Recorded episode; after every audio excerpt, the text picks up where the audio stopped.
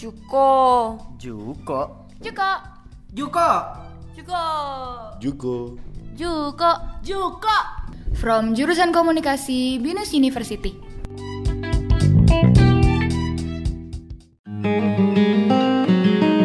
Hai semuanya, kembali lagi di Broadcasting Class bersama saya Riana dan kalian lagi mendengarkan um, obrolan Juko, yaitu adalah uh, podcastnya dari uh, ilmu komunikasi Binus University. Nah, hari ini kita bakal ngebahas mengenai masa depannya broadcasting atau masa depannya televisi Indonesia dan media Indonesia nih seperti apa sih?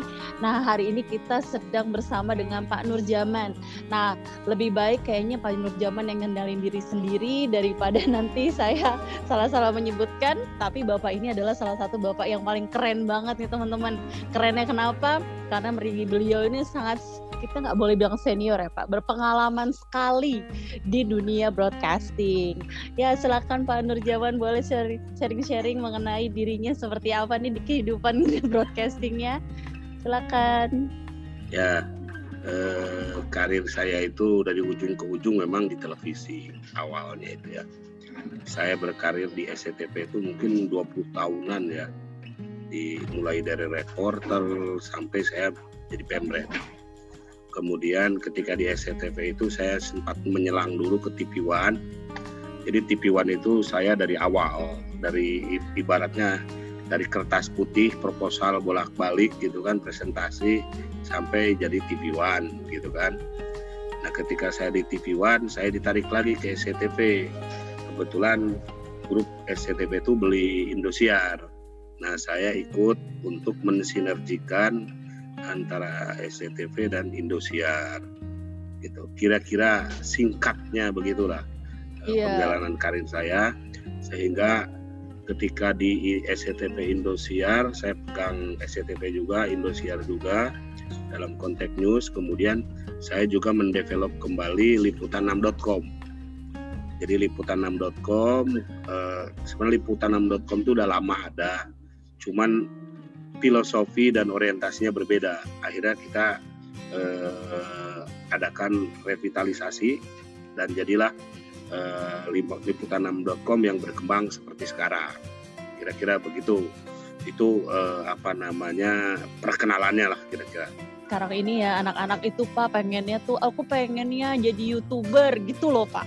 Kan maksud hmm, saya okay, kenapa okay. sih jadi mau jadi youtuber? Kita tuh kan ke mana-mana kita sebagai seseorang yang mau menyiarkan istilahnya pada umumnya kita mau menyiarkan informasi gitu ya pak. Saya maunya jadi kayak Ria Ricis misalnya seperti itu kan. Gimana sih gitu kan? Cita-citanya cita-cita anak sekarang tuh sudah bergeser gitu kan. Kalau dulu maunya jadi broadcaster gitu aku maunya di televisi maunya bikin kreatif ideas kayak gitu kan pak seperti ini. Nah, bagaimana nih tanggapan Bapak nih tentang media saat ini nih, Pak? Gimana? Saya enggak gini. Saya mengalami eh, hal seperti itu. Artinya warning buat teman-teman broadcasting TV ya. Itu kira-kira mungkin enam tahun lalu ya. enam tahun atau lima tahun lalu, hmm. bahkan lebih mungkin ya waktu itu saya hadir di sebuah seminar di Jogja. Seminar nasional tentang broadcasting kan. Nah waktu itu ada tiga narasumber. Sampailah pada pengenalan materi.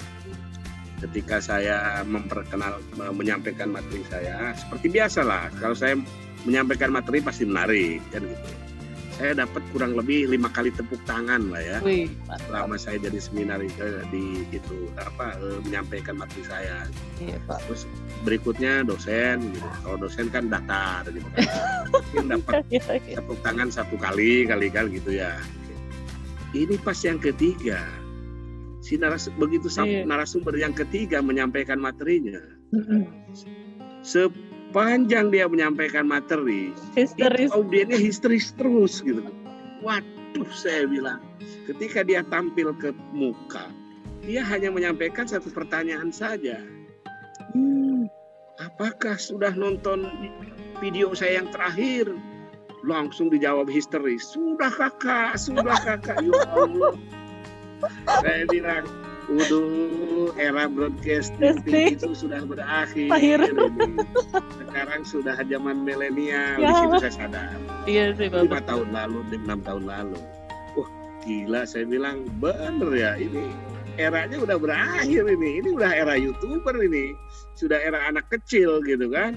Iya. Milenial. Akhirnya setelah selesai acara, saya ajak ngobrol tuh anak. Rupanya dia eh, punya tim. Punya tim lima orang atau berapa iya, orang yeah, yeah, yeah. di Jakarta dia. Dan dia udah hidup dari video-video itu gitu iya kan. iya pak. Nah saya di situ menyadari oh ternyata eh, dunia sedang berubah. Media sedang eh, apa melak, apa melakukan disrupsi. Kira-kira hmm. begitu. Jadi saya sudah menangkap lima tahun lalu enam tahun lalu tentang ini gitu kan jadi wajar kalau teman-teman sekarang orientasinya sudah berubah. Disrupsi media itu datang lebih cepat. Kenapa? Karena ternyata ada pandemi yang lebih mempercepat itu. Jadi gini, disrupsi media awal itu yang dahsyat itu terjadi ketika lahir sosial media. Ketika lahir sosial media, maka media-media yang kita sebut sebagai media mainstream atau media tradisional itu terdisrupsi oleh med sosial media. Ini eh, dahsyat sekali nih. Jadi eh, ini ini disrupsi awal nih ke media mainstream nih. Nah sehingga itulah enam tahun enam tahun lalu itu yang terjadi pada diri saya ketika jadi narasumber tadi di Yogyakarta itu. Di situ sudah terasa bahwa orientasi kita sudah ke sana. Bayangkan eh, penonton YouTube itu kan sudah hampir 90% lebih sekarang. Orang nonton video di YouTube, bahkan nonton televisi pun di YouTube sekarang. Saya eh, kebetulan saya juga di PWI, saya suka keliling Indonesia dengan PWI. Di setiap forum pasti saya tanya, saya tanya dua hal. Pertama, siapa yang siapa yang baca koran pagi ini? Yang kedua, siapa yang nonton TV pagi ini? Dan di setiap forum itu hampir semuanya menjawab, saya tidak baca koran pagi ini. Ya. Dan saya tidak nonton TV pagi ini. Hmm. Bahkan setelah saya uh, ini tanya, kapan nonton TV terakhir? Ada yang bulan lalu, ada yang minggu lalu. Jadi ini memang dahsyat sekali gitu kan menggeser uh, media mainstream. Yang paling tergeser adalah koran kemudian televisi berikutnya. Jadi disrupsi pertama ini ya sosial media.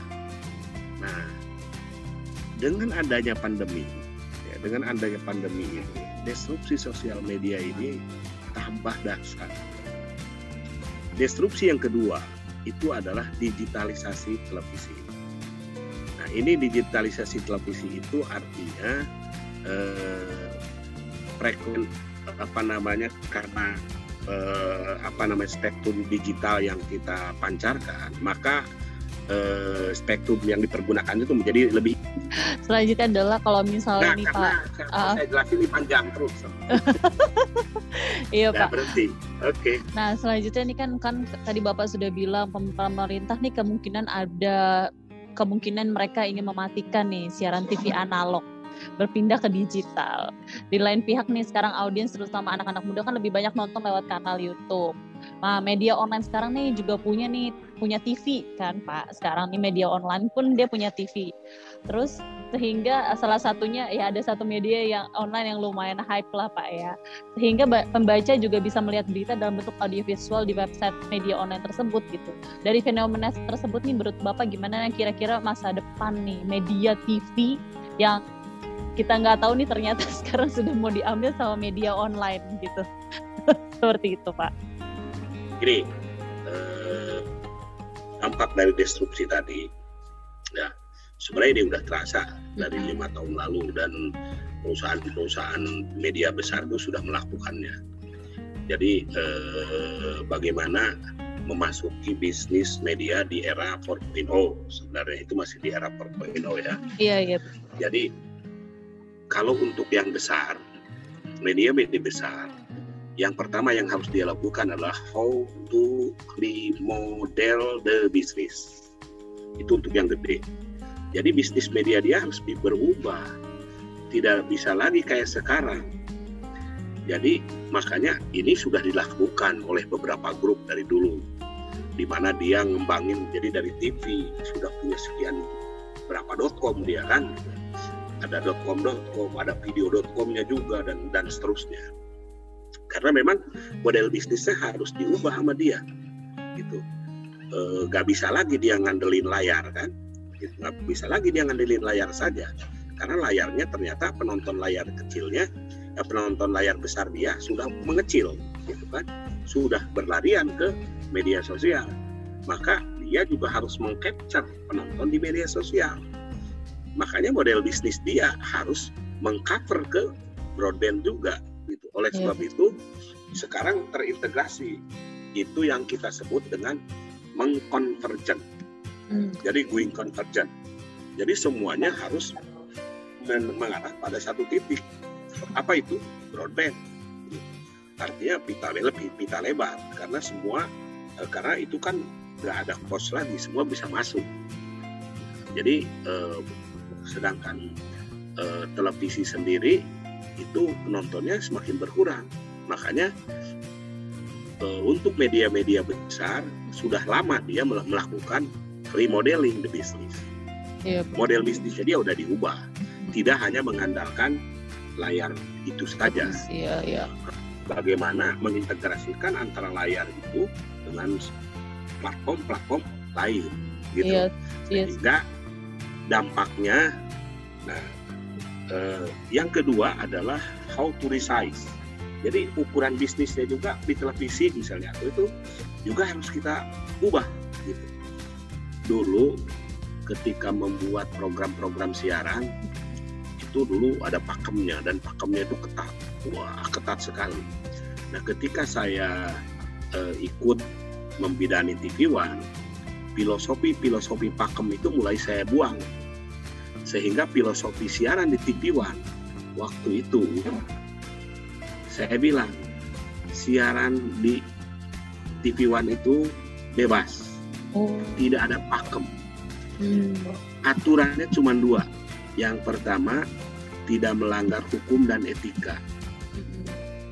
Yang kedua disukai pemirsa. Gitu.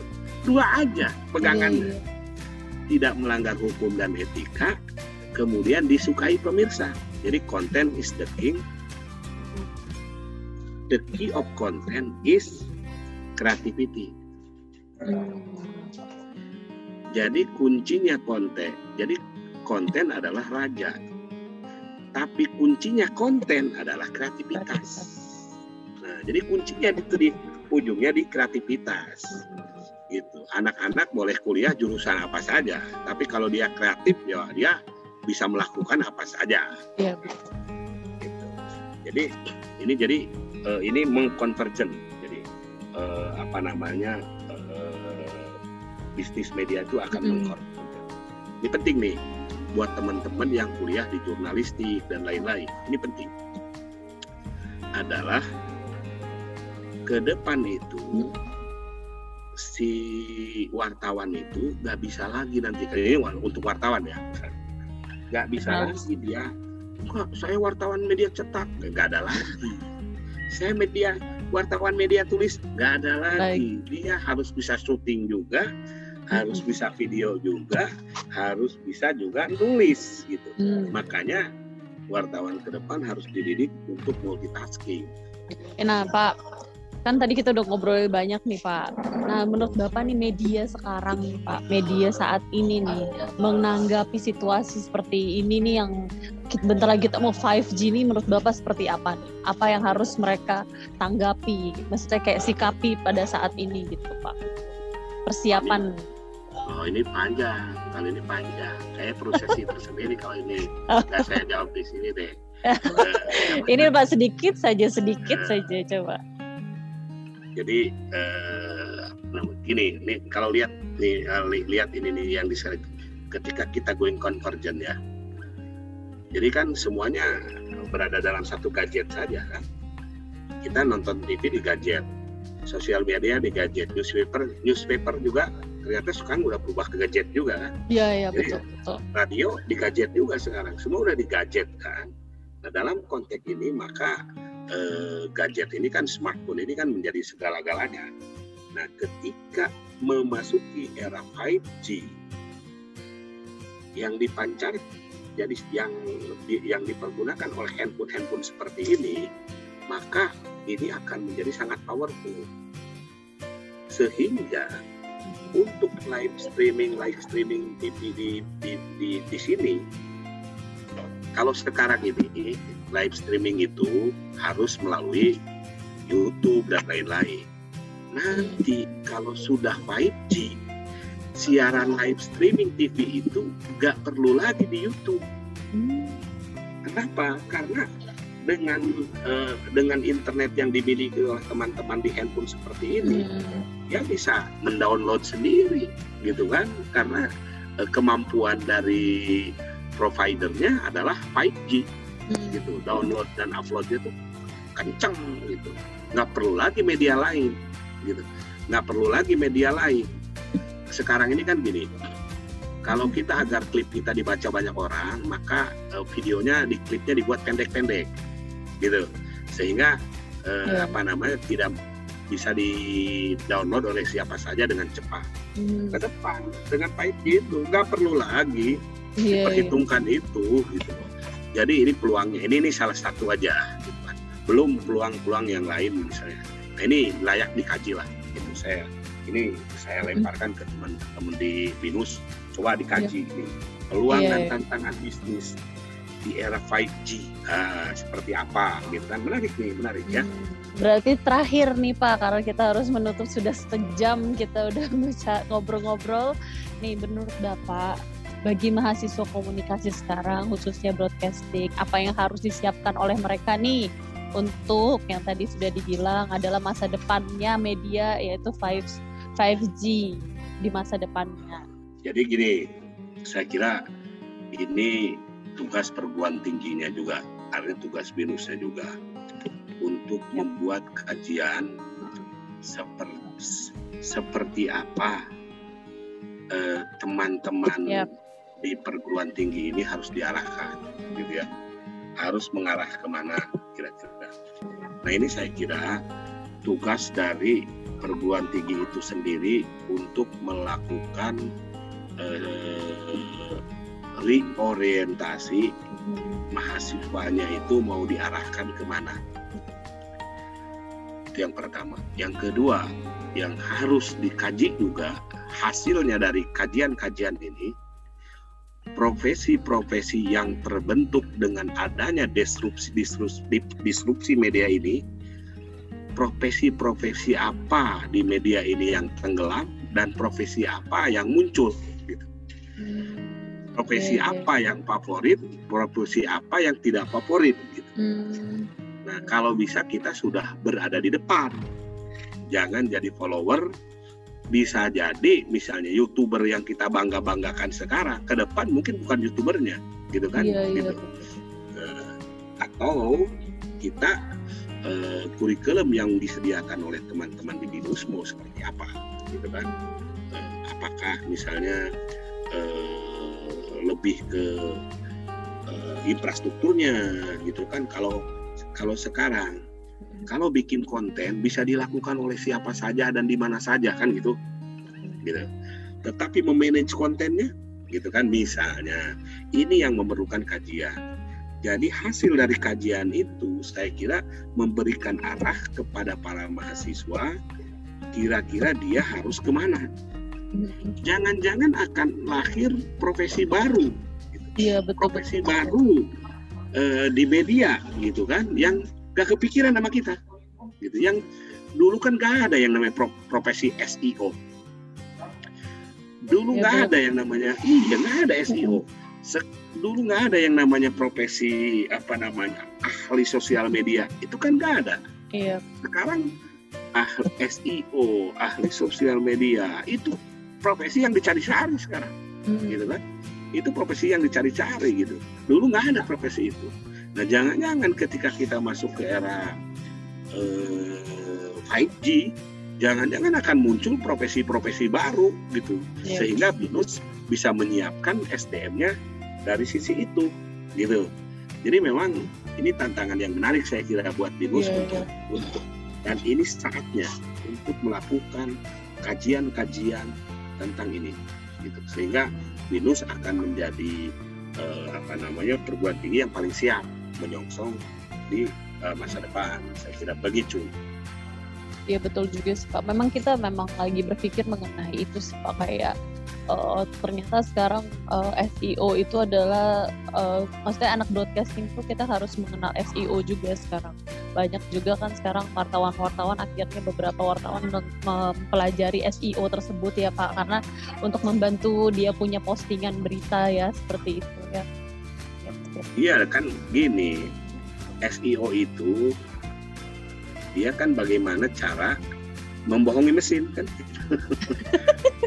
iya itu kan Iya iya betul betul mencari Jadi cara. ketika Iya iya. programmer jadi programmer di mesin itu Mm-mm. misalnya programmer di mesin pencari itu seperti ini dia ubah algo algoritmanya Manya ya Nah, betul dia betul. bagaimana nih wah gila mesinnya udah diubah algoritmanya gua ubah lagi nih Iya Wah, gimana gua agar bisa kan begitu jadi iya betul Ya, betul betul. jadi si pemilik mesinnya ingin bohongin kita gitu ya udah bagaimana kita membongkar kebohongan dia agar ah, itulah tugas SEO ini kan profesi baru kan gitu. Iya betul betul betul Pak. belum kita kenal sebelumnya Ya. tetapi ujungnya adalah Mhm. eh, kreativitas eh, tetap harus menjadi kunci ketika Mm-mm. kita ingin eh, bersaing ke depan Iya betul Pak. Kreativitas memang tinggi banget karena makanya sampai sekarang tuh anak-anak tuh berpikir apa sih yang harus dibuat, apa dipikirkan dengan baik gitu ya Pak. Apa sih yang mau dibuat, apa sih yang mau diangkat itu kan eh, tidak semua orang ya Pak bisa. ini saya mau ngasih tip ya Oke siapa? saya mau ngasih tip untuk bagaimana agar kita eh, terbiasa berpikir kreatif. Kreatif. Oke. Yang pertama, kita harus selalu berpikir berbeda dari orang. Mhm. Kita harus siap selalu berpikir berbeda dari orang. Dan kita harus kadang-kadang harus siap menerima cacian apa dan lain-lain Mhm. ketika kita berbeda. Gitu. Iya. Kalau kita nggak berani berbeda, maka eh, apa jangan harap kita akan mendapatkan sesuatu. Jadi kita harus selalu berpikir, lah kok begini begini aja sih? Ada jalan lain nggak sih? Gitu. Jadi kita Hmm. harus selalu cari jalan lain, jalan lain, gitu. Jadi berbeda, yang berbeda dengan apa yang biasa, apa yang biasa dilakukan orang. Kita ingin melakukan, enggak, gua memang beda. Gua ingin melakukan yang berbeda dengan yang dia lakukan. Jadi kuncinya itu berani nggak kita melakukan eh, sesuatu yang berbeda dibandingkan Hmm. dengan orang. Yang kedua, kita harus selalu skeptis. Hmm. Ah, enggak, ini Iya iya. nggak bener nih ya gitu. Kita harus Iya, selalu betul, betul. ketika menemukan fakta itu, ah, enggak, enggak enggak, kali nggak gini nih. Mungkin Masa kita- sih kayak gini gitu ya masa Pak? sih kayak gini nih gitu kan. Kita harus selalu apa namanya ingin tahu gitu. Iya betul betul. Gimana nih? Oh, enggak, mungkin ada yang lebih baik yang bisa kita lakukan daripada ini gitu. Jadi kuncinya dua. Pertama, kita harus selalu i- eh, ber- harus berani berbeda, selalu berbeda. Yang Iya. kedua, kita harus selalu ingin tahu. Terus eh, gitu kan, gitu. Itu ya mudah-mudahan Terima bermanfaat. kasih banyak Pak Nurjaman. Semoga kita bisa ada kesempatan lain karena ini kurang menurut saya, tapi udah sejam ini. Banyak sekali yang bisa kita obrolin. Ya, Terima kasih Pak Nurjaman. sama.